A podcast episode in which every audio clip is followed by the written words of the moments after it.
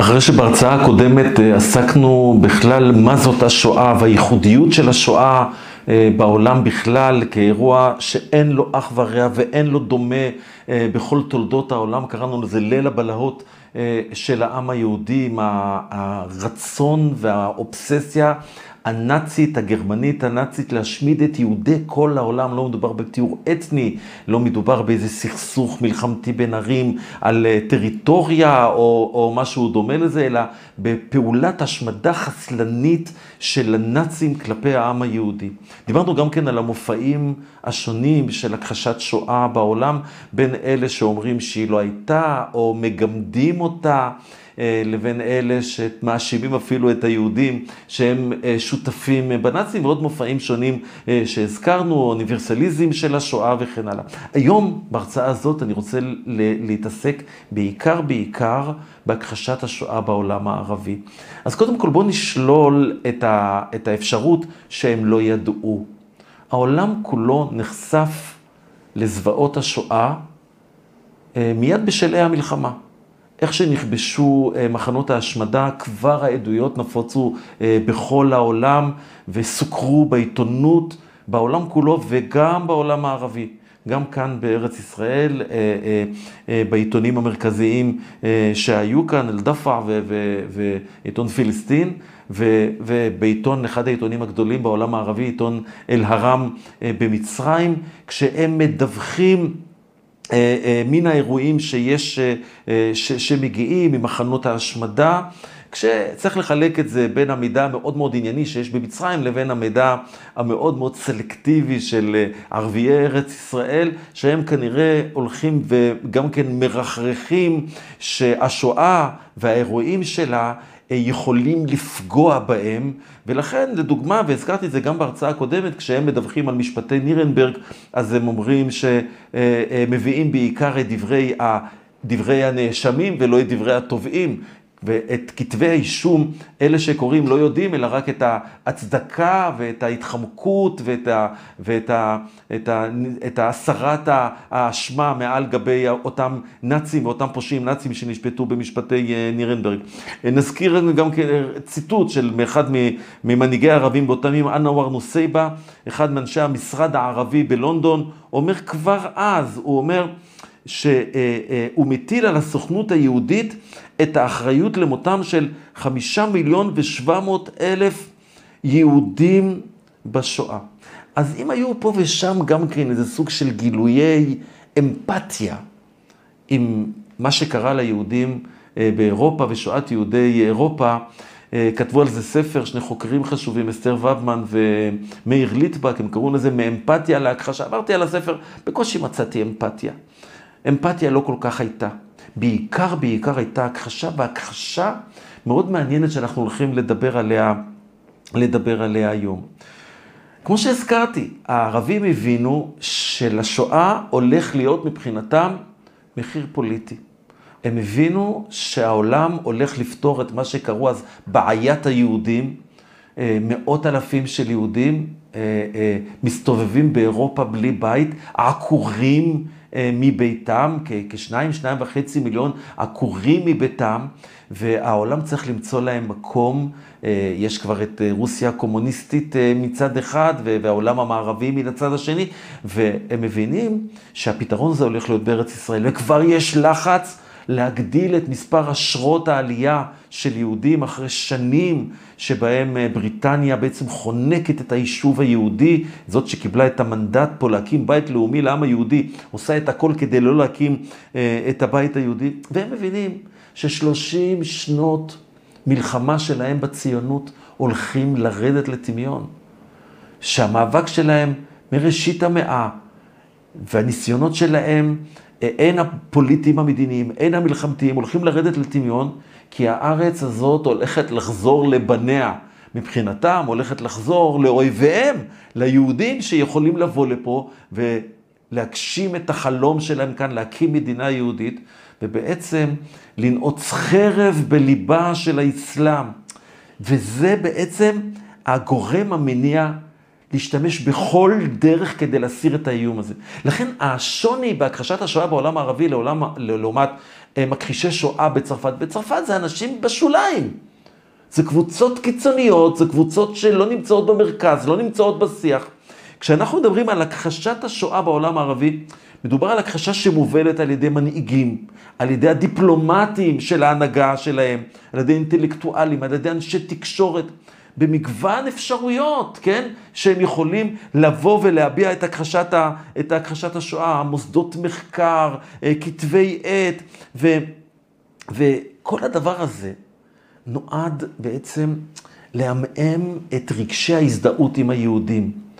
לא שלהם, כי להם לא היו רגשי הזדהות עם היהודים, אלא רגשי הזדהות של העולם עם היהודים, כדי למנוע קודם כל את אפשרות הקמתה, ולאחר מכן לעשות ככל שביכולתם לפגוע בקיומה של המדינה היהודית. כי הם האמינו שהמדינה היהודית לא הייתה קמה לולא השואה.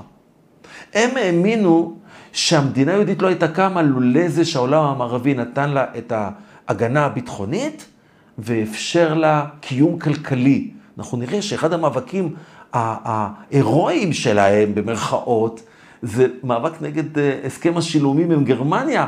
הם ראו בכסף שמדינת ישראל הצעירה הולכת לקבל מגרמניה את מה שייתן לה קיום. הרי המדינה הצעירה הזאת הולכת להתמוטט כלכלית. שני מיליון עולים, היא לא תתקיים, היא תתמוטט, היא תתמוטט מעצמה. ולכן הם מאוד חוששים ויוצאים נגד. צריך לומר שהאמירה הזאת הערבית היא אמירה מופרכת, ומשלוש סיבות.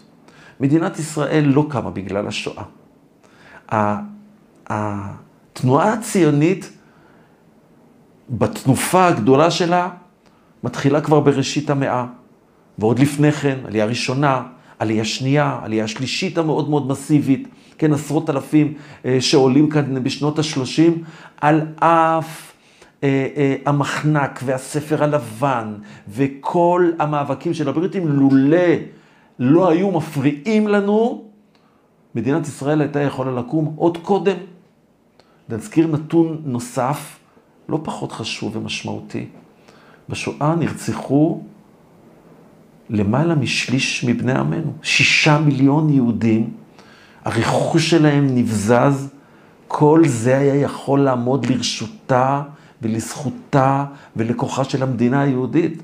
לא כל השישה מיליון היו עולים, אבל לא היו עולים בתוכם 20 אחוז, 25 אחוזים.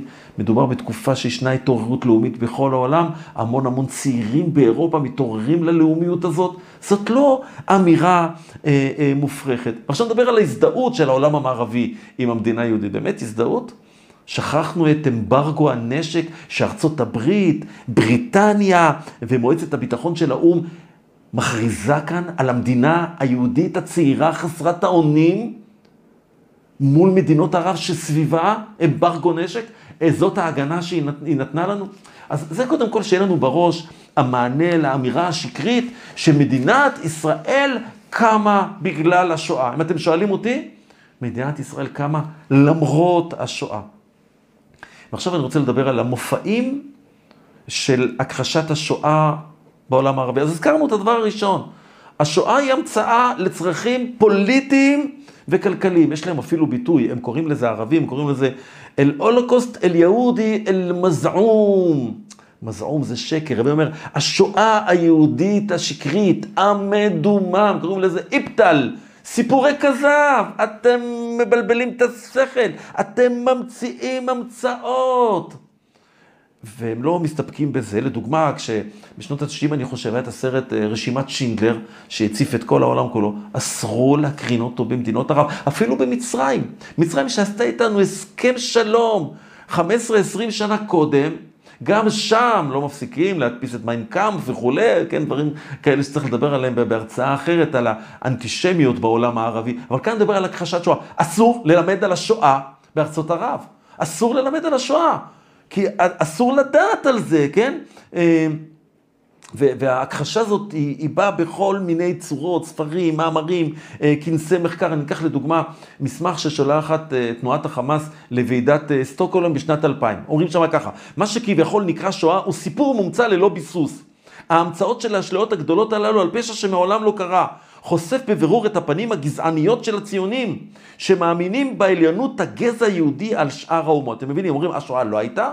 היהודים הם גזענים. הווה אומר, היהודים הם נאצים. השוואת היהודים לנאצים היא כחוט השני, אגב, נראה בשתי התצורות של הכחשת השואה בעולם הערבי. אלה שאומרים שהיא לא הייתה, ואלה שאומרים שהיא הייתה, ועכשיו אתם הנאצים. שתי תצורות שונות, תכף אני אדבר על התצורה השונה שהיא המסוכנת ביותר, היא המתוחכמת ביותר, ובה נוקטים האינטלקטואלים ה... האינטלקטואלים הערבים. אני אקח דברים שכותבים ב... ביומון של הרשות הפלסטינית. ערב יום השואה, אה, זיכרון לשואה של שנת 2001, שם נאמר ככה: התעמולה הציונית הפכה את השואה לאמצעי להשגת רווח כלכלי ופוליטי. המספר של ששת מיליונים היהודים שנשרפו במחנות אושוויץ, הנאצים הוא שקר תעמולתי, כן, אבו מאזן כתב על זה דוקטורט. האם לא פג תוקפה של תרנגולת זו המטילה ביצי זהב עבור היהודים? זאת אומרת, השואה היא אה, כלי שהיהודים משתמשים בו, לכן אני אומר שהוא לא היה. אה, אה, כן, אז דיברנו על זה שאחד מהמכחישים הוא כמובן אה, אבו מאזן, באותו ספר, אגב, דוקטורט וספר, שאגב, הוא מעולם, ספרים של אחרים שלו, והוא כתב כמה וכמה, תורגמו לשפות אחרות, את זה הוא לא תרגם לערבית. צריך להיאמר לזכותו של דוקטור עדי כהן, שתרגם את הדוקטורט הזה, או חלקים ממנו, תרגם אותו לעברית, אבל לא ביוזמתו של אבו מאזן. ושם הדוקטורט הוא הקשרים החשאיים בין הנאציזם לציונות. זאת אומרת, היהודים הם שותפים לנאצים, הם היו שותפים של הנאצים. הווה אומר, היהודים הם נאצים, ככה אומר הפרטנר. היהודים הם נאצים. נאצים צריך להשמיד. אני מזכיר לכם, נאצים זה אנשים רעים, צריך להשמיד אותם. יש לגיטימציה להשמיד אותם. רצוי להשמיד אותם, כי הם הרוע של העולם. ואם היהודים הם כאלה, אז זה מסביר למה אנחנו פועלים להשמיד אותם. למה אנחנו קוראים כיכרות על שמם של כאלה ש... רוצחים, נאצים, זה לגיטימי לחלוטין. הוא כמובן מוסיף עוד כל מיני דברים בדוקטורט שלו, הנספים היו קורבנות של רעב, הם היו מעט, הם היו שותפים במלחמה, ולכן הם נהרגו, היהודי בכלל אה, אה, נהרגו במלחמה, אה, הרגו רק את הזקנים, זה שר, אחד מהשרים בממשלת, בממשלת הממשלה הפלסטינית, כן, רפיק נטשה אומר, רק את הזקנים ואת אלה שהתנגדו לציונות הרגו. הם שלחו צעירים יהודים לארץ, בכיסים מלאים כסף, התנועה הציונית. כן? יש כמובן את אלה היותר לא עושים חשבון בקרב העולם הערבי, ויש לא מעטים כאלה, שמצדיקים את היטלר. יש חנויות בעזה שהחנות היא היטלר, שם החנות היטלר. לפני כמה זמן קראתי מאמר על תופעה של קריאת שמות על שמם של פושעי הנאצים הגדולים, הימלר, אייכמן, היטלר בעולם הערבי. הערצה טוטאלית. והגישה הזאת בעצם אומרת, כמו נקרא לכם מעיתון אל-עכבר, שנת 2001, כן? אומרים ככה, תודה להיטלר, יהיה זכרו ברוך בשם הפלסטינים, שנקע מבעוד מועד בפושעים המתועבים ביותר על פני כדור הארץ, למרות שיש לנו תלונות כנגדו. מה התלונות? שהנקמה בהם לא הייתה מספיקה. אגב, צריך להבין, זה, ההרצאה הזאת, חייבים לשמוע בשבילה את ההרצאה השלישית והרביעית שלי בסדרה של המסע אל האסלאם. התפיסה שהיהודים נועדו להשפלה ולכניעה בפני המוסלמים, היא תפיסת יסוד באסלאם. וכשיהודים באו פה והקימו מדינה, והתהפכו היוצרות, אז כל זה הולך ומתפרץ החוצה, ולכן הם כל כך כל כך מעריצים את מי שפגע ביהודים. אני אקריא לכם דברים שכותב אה, מי שהיה ראש עיריית מזרח ירושלים, ממש ממש אחרי מלחמת השחרור, השם שלו זה אנואר אל-חטיב. הוא אומר ככה, אללה, רחם על היטלר, הוא ידע מי הם היהודים, ותיאר אותם היטב. עכשיו שימו לב, הוא חשף את רשעותם והפליא לשנוא אותם. בכל פעם שאנו מבקשים לשנוא את היהודים ולתעב אותם, אין דרך טובה יותר מאשר, מאשר לפנות לספרו מיין קאמפ. כדי להעמיק את ידיעתנו על עם מקולל זה ולהבעיר את אש האיבה בלבנו, כן? אחד מהספרים הפופולריים בעולם הערבי, אה, מיין קאמפ.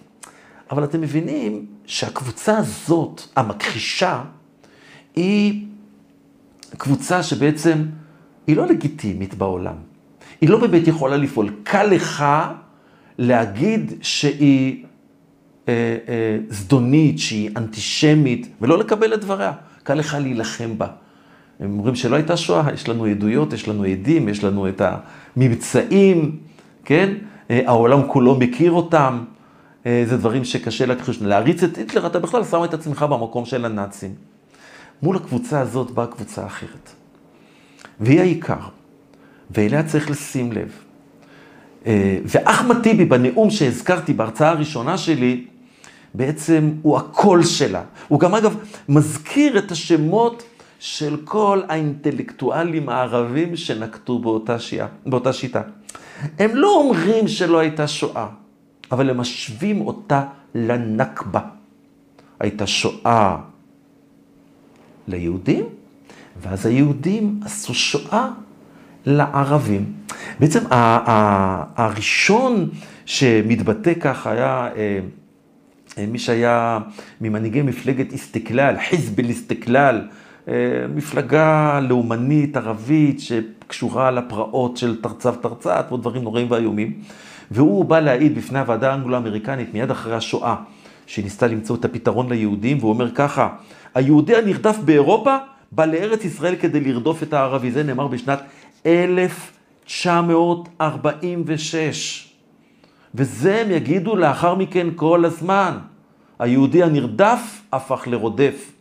היהודי שנרדף על ידי הנאצים הפך להיות נאצי ורדף את הפלסטינים.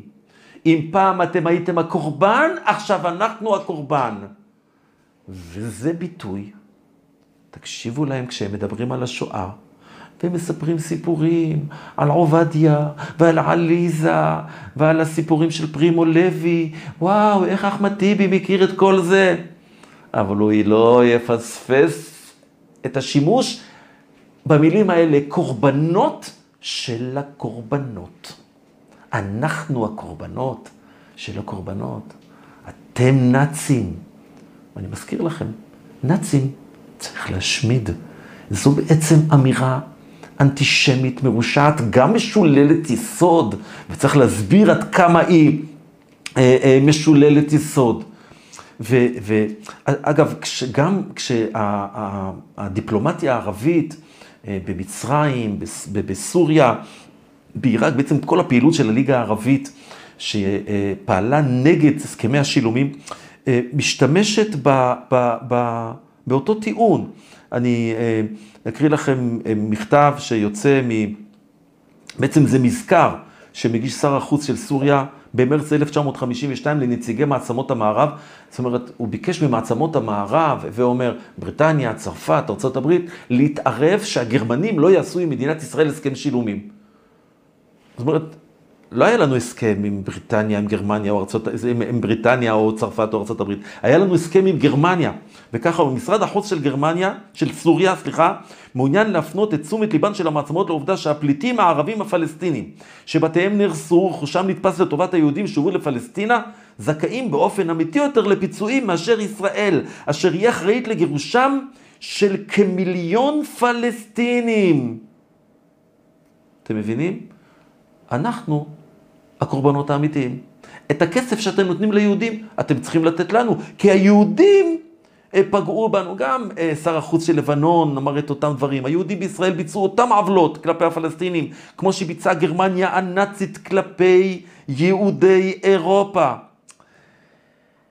וזה הולך וצובר אה, אה, אה, מעמד. האמירה הזאת הולכת וצוברת, מה קוראים לזה נאציפיקציה. זאת אומרת, להפוך את היהודים לנאצים. זה תהליך מאוד מאוד מעניין, שהולך ו- ו- ומתבצר, הולך ו- ומושרש. אגב, גם אצלנו, גם אצלנו. יש לא מעט כאלה, שמעתם קודם, בהרצאה הקודמת שלי, סליחה, כשאני הרציתי והבאתי את הדברים של שבח פייס, שזועק על כך שיהודים בעצם משתמשים בנרטיב הזה, שאנחנו נאצים, ואנחנו עושים לערבים אה, אה, את אותו דבר. ולכן ההוגי דעות הערבים, הם כבר לא הסתפקו בשימוש אה, אה, בנכבה, הם ביססו את הטענות שלהם גם בהשוואה, בדמיון. אומרים, תשמעו, הגרמנים זה לא רק שהיהודים עשו לערבים נכבה, כמו שהגרמנים הרגו את היהודים. היהודים הם גרמנים מבחינה זאת שהיהודים טוענים לעליונות, שהם עם הבחירה, כמו הנאצים. היהודים לא מתחתנים עם עמים אחרים, כמו הנאצים, תואר הגזע. אתם מבינים כמובן שמדובר בשתי השוואות מופרכות. היהודים לא מתחתנים עם אחרים לא בגלל שהם מגזע שונה, בגלל שהם מדת שונה. זה לא תורת גזע. אנחנו לא הורגים ומחסלים את מישהו לא מהעם הנבחר, הפוך. אנחנו רוצים לתקן את העולם כולו. איך נאמר שם בספר, אה, אה, בספר ישעיה, אה, אה, כן, הלכו עמים רבים ואמרו לכו ונעלה אל הר השם, ויורנו מדרכיו ונלכה באורחותיו. היהודי מקבל את הגר באהבה, יש לנו מצווה ואהבת את הגר. אבל במסע הנאציפיקציה של עם ישראל, הם לא מהססים להשתמש בזה. אגב, השתמשו בזה גם כן נגד הרב כהנא, שאמר נגד נישואי תערובת, אמרו לו, זה משפטי נירנברג. משפטי נירנברג זה נגד הגזע. אם יבוא שוודי, אה, אה, ניגרי, אה, ערבי, יתגייר מתוך אמונה במצוות ודת ישראל, נקבל אותו בחיבוק ובאהבה. איך כתוב? ואהבת את הגר. אבל אני עכשיו רוצה ללכת ל, ל, לדברים של אחמד טיבי בכנסת. הוא קיבל מעמד מרובי ריבלין, שלא נעים לי להתבטא מה אני חושב על המהלך הזה שלו ועל דברים אחרים. הוא אומר ככה, שמח וגאה אני שאני נמצא באותו צד בו נמצאים אינטלקטואלים ערבים בולטים, שיצאו חוצץ נגד תופעות של הכחשת שואה במזרח התיכון ובמקומות אחרים בעולם. וואו, מחיאות כפיים. הוא אומר, אני נגד אלה שמכחישים שואה, נגד התופעות. ואז הוא מזכיר שמות. מחמוד דרוויש, סמיח אל-קסאם, אליאס חורי, אדוארד סעיד, אליאס סנבר. זה המקום לשלוח מכאן ברכה ועידוד לעמיתי מוחמד ברכה, הנמצא כעת שם באושוויץ. אנחנו נגיע גם למוחמד ברכה, ומה הוא אמר כשהוא חזר מאושוויץ.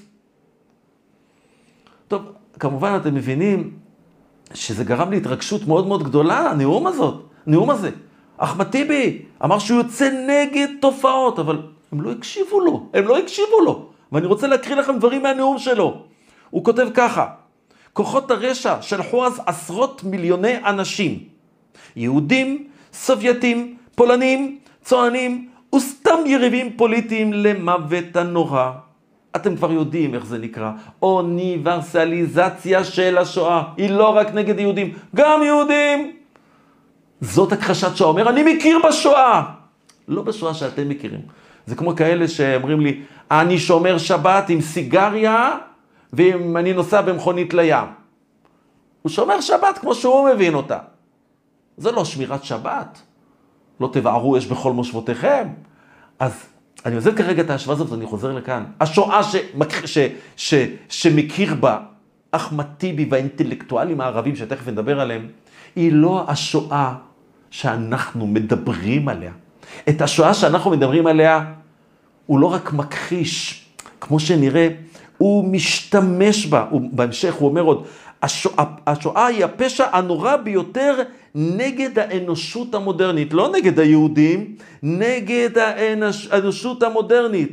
אבל לאחר מכן הוא בא ומאשים את ישראל בגזענות, שלילת זכויותיו של האחר, וכמובן משתמש בביטוי אה, קורבן אה, של הקורבן, והוא אה, חוזר ומדבר על כך שמדינת ישראל עכשיו עושה עוול לפלסטינים וכו'. זאת אומרת, הוא השתמש בכל הנאום הזה להגיד, אתם הנאצים, שירשתם את הנאצים, נו, הנאצים עשו לכם דברים נוראים ואיומים, אבל אתם עשיתם לפלסטינים, ומה שצריך לתקן עכשיו, את העוול שלכם כבר תקנו על חשבוננו. לכן, איך אומר אחמד טיבי, אתם מהגרים, תחזרו לארצות שמהם יצאתם. זאת האמירה של האינטלקטואלים הערבים, שתכף אני אעשה איזה סקירה. אדוארד סעיד. אדוארד סעיד היה חבר המועצה הלאומית הפלסטינית, נחשב אינטלקטואל אה, מאוד מאוד חשוב אה, בעולם הערבי. אז הוא, הזכרתי את זה גם כן, הוא אומר, היהודים משתמשים, הישראלים משתמשים בשואה כהמחאה, כצ'ק פתוח. אבל הוא אומר, אסור להכחיש את השואה. והוא מסביר למה. הוא אפילו אומר למה אסור להכחיש את השואה. הוא אומר כדי שזה יאפשר לערבים לתבוע מהיהודים את זכותם, הוא אומר להצביע על הזיקה בין השואה ובין העוולות הציוניות כלפי הפלסטינים. הווה אומר, אחמד טיבי, אדוארד סעיד, ונראה תכף אחרים, אומרים, השואה היא בעצם נכס לנו, הפלסטינים. כי אנחנו עכשיו אומרים שעכשיו אנחנו עוברים שואה. ההשוואה בין השואה לבין הנכבה. אז מה כל ההטבות שעשו לכם, הם היו על חשבוננו. עכשיו תשלמו לנו, ותפסיקו לחיות על חשבוננו. תפתרו את הבעיות שלכם באירופה. כך אמרו שורה של מנהיגים ואינטלקטואלים ערבים, שאמרו את זה בצורה, יש כאלה אמרו את זה בצורה יותר מפורשת, יש כאלה שאמרו את זה בצורה יותר נסתרת. טוב, עכשיו נלך ל, ל, לדרוויש, המשורר הלאומי הפלסטיני. שיר שהוא כתב בזמן מבצע חומת מגן, 2002, אפריל, אה, אה, סוף מרץ, אפריל, מאי 2002, אה, מבצע חומת מגן. מתוך קיני הטרור ברמאללה, בשכם, בג'נין, יוצאים מפגעים, מפוצצים אוטובוסים, דולף, בדולפינריום, ילדים עומדים בתור, מפוצצים אותם, מופכים אותם לגזרים, במסעדת מצה, בסברו, בעוד ועוד מקומות, טובחים יהודים בלי הבחנה, נשים, ילדים, טף, משפחות שלמות נכחדות, משפחת צריכים לסחור את המשפחות אחרות, דברים נוראים ואיומים. מדינת ישראל אחרי הפיגוע הקשה במלון פארק, בו נטבחים 30 חוגגים ערב ליל הסדר על ידי מחבל מתאבד, מחליטה סוף סוף לקום על נפשה ועושה מבצע לאיתור, לאיתור המחבלים, לאיתור אה, אה, מעבדות החבלה שמהם מוציאים את חומרי הנפץ. אגב, אני הייתי שם, אני הייתי שם. מדינת ישראל לצערי השתמשה בפינצטה שבפינצטה, פינצטה שבפינצטה. חיילים שלנו נהרגו בג'נין מתוך שלא רצו חס ושלום לפגוע בלא מעורבים, כאילו יש לא מעורבים. אבל אז כותב מחמוד דרוויש את השיר הזה, אל רוצח. הרוצח זה כמובן החייל, היהודי. לו התבננת בפני הקורבן וערערת, הקורבן זה הערבי, היית נזכר באמך בתא הגז. אתם מבינים? המשורר, שמשתמש ב- ב- ב- במוטיבים ספרותיים, משתמש בתא הגז, הווה אומר, אתם הנאצים. אגב, אה, טיבי מזכיר גם את עזמי בשארה, המרגל החיזבאללה, חיזבאללה שמכריזים שהם פועלים להשמדתה של אה, אה, מדינת ישראל. הוא כתב איזה מאמר בשנת 1995 אה, על אה, הערבים והשואה בעתיותה, בעתיותה של ו' החיבור. הוא אומר, חייבים להכיר בעוולות השואה, חייבים להכיר אה, אה, בעוולות השואה, אבל גם הוא עושה אוניברסליזציה של השואה. תולדות השואה ולקחה אינם נכס של מדינת ישראל, אלא של האנושות כולה. הוא כותב עוד שם במאמר הזה. הפלסטינים הם קורבנותיה הלא ישירים של השואה, באשר מולדתם נלקחה מהם בידי קורבנותיה הישירים. ועכשיו נלך למוחמד ברכה, סיפור מדהים. באותה שנה רובי ריבלין שלח משלחת של חברי כנסת ל, אה, ליום השואה הבינלאומי לאושוויץ, לא למצעד החיים, תכף נדגיש את זה. ובכל סיעה היה חבר כנסת ששלחו, אה, הסיעה שלחה חבר כנסת משלה. לסיעה שאני הייתי, פנה המנכ"ל שלו, הראל טובי, לחבר כנסת הראשון, השני והשלישי, אני הייתי הרביעי. שלושת הראשונים אמרו שהם לא יכולים. ואז הוא לא פנה אליי, הוא פנה למזכיר הסיעה. ואמר לו, תשכנע אחד מהשלושה. אמר לו, אבל יש גם רביעי, את בן ארי. אותי הוא כמובן לא רצה לשלוח. אתם כבר יודעים למה. בן ארי הוא גזען, הוא נאצי, אבל את מי הוא כן שולח ומתחנן לפניו שילך? מוחמד ברכה, המחבל האנטישמי הזה, תומך ארגוני טרור, הוא שולח אותו לאושוויץ, ל, ל, ליום השואה הבינלאומי. הוא נשלח קודם כל להשתלמות שעברו חברי הכנסת, כל המשלחת, ביד ושם. ושם הוא מפוצץ את אחת ההרצאות, כי אחד המרצים דיבר על האנטישמיות הרווחת אה, אה, אה, אה, בעולם הקומוניסטי ובעולם הערבי. עובדות חד משמעיות שקשה להכחיש אותן, לא לחינם. את הדוקטורט של הכחשת שואה יכול היה להגיש אבו מאזן ברוסיה, במוסקבה. כן? זה המקום, אבל זה פוצץ אותו. ואז הוא אומר, אבל אני לא ויתרתי ללכת ל... אומר, אבל הוא מזכיר, הוא אומר, אני לא הלכתי, אני את הביטוי שהוא אומר, הוא אומר, אני לא השתתפתי בשמלץ הציוני המכונה מצעד החיים. הוא הולך ליום השואה הבינלאומי, אתם כבר יודעים למה. אוניברסליזם, אוניברסליות של השואה. הוא חוזר, הוא נותן הצהרה. אני לא מתחבר למסחור של יום השואה והניסיון למסחר אותו לציונות. מי שמחבר את ההקמה של מדינת ישראל לשואה, מחבר בעיני את השואה לנכבה של העם הפלסטיני. זאת אומרת, אין קשר בין מדינת ישראל לשואה. ואם יש קשר, זה האסון של העם הפלסטיני. המשימה שלנו ב-2010, אנחנו רוצים להיות נאמנים לערכים של לעולם לא עוד. מה זה לעולם לא עוד? לסיים את הטרגדיה של העם הפלסטיני. ואם אתם רוצים לדעת, מוחמד ברכה, תושב מדינת ישראל, אזרח ישראל, מגדיר את עצמו העם הפלסטיני.